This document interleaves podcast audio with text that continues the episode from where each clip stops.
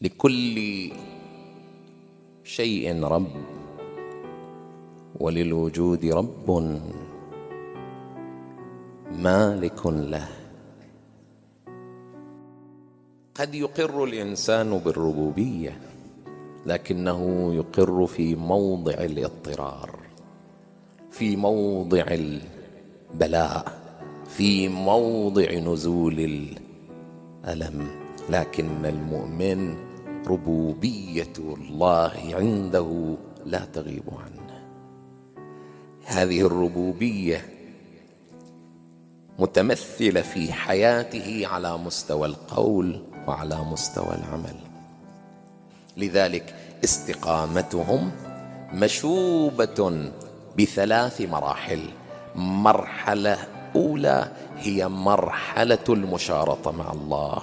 إني أشرط على نفسي أمامك يا الله أن أقوم اعوجاجها وأن أحفظ سرها وعلانيتها وأن يكون قولها كعملها. القول الذي استحيه أن يسمعه الناس قبيحا إني أستحي من الفعل القبيح بيني وبينك. القول الذي أستحي أن يسمعه الناس قبيحا إني أستحي من الفعل القبيح بيني وبينك.